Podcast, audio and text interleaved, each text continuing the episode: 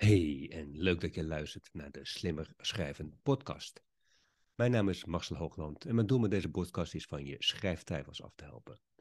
Bijna iedereen die schrijft heeft daar in meer of mindere mate last van.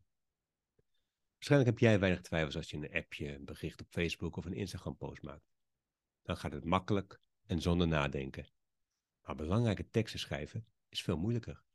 Een beleidsnota, persbericht, een blog of een sollicitatiebrief typen dat is vaak vroeger. Het kost veel tijd en het resultaat is meestal niet wat je verwachtte.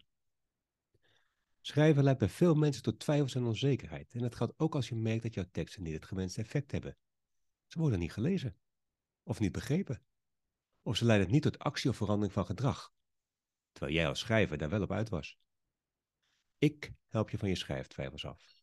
Bijvoorbeeld via deze podcast. Met vandaag een advies dat voor elke schrijver toepasbaar is.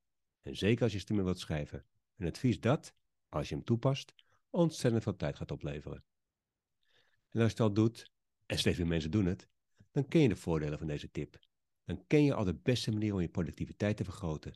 Dan ervaar je de voordelen van deze handigheid en ken je het geheim om veel tijd te besparen. Weet je het al? Het beste productiviteitsadvies ooit? Het antwoord is simpel. Blind typen. Blind typen met tien vingers. Ga maar eens na hoeveel tijd je daarmee kunt besparen of bespaart. En ik begrijp ook nog steeds niet waarom blind typen geen verplicht onderdeel is van de lessen op de basisschool. Zelf kan ik best snel typen. Ik doe het meestal met zes vingers.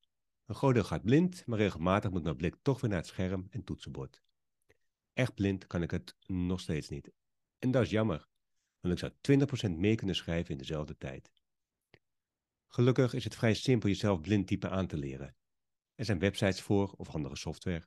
Speciaal voor kinderen, maar zeker ook voor volwassenen. Ik heb er zelf al meerdere geprobeerd. En ik durf het hier best te zeggen dat ik de meeste letters op het toetsenbord blind kan vinden. Ik kan er zelfs woorden en zinnen mee maken. Alleen, dat gaat heel erg langzaam. Het gaat echt letter voor letter en mijn tempo lijkt op een wandeling door 90-plussers met rollators. Voetje voor voetje vinger voor vinger. En die snelheid verhogen kan alleen als ik mezelf de tijd gun eerst langzaam te typen. Maar die tijd is er niet. Meestal niet. Eh, correctie. Die tijd gun ik me meestal niet. De deadline nadert, een afspraak staat voor de deur. Tempo maken is het advies. Het is het aloude probleem. Je moet eerst investeren voordat je krijgt wat je nodig hebt. Dat geldt voor beter leren schrijven, het geldt voor blind typen en het geldt voor het vergroten van je productiviteit. Je wordt niet productiever door artikelen te lezen, takenlijstjes te maken of taken te delegeren. En ook het volgen van een cursus tijdmanagement of het lezen van een boek van David Allen, zoals Getting Things Done, die leveren geen tijd op.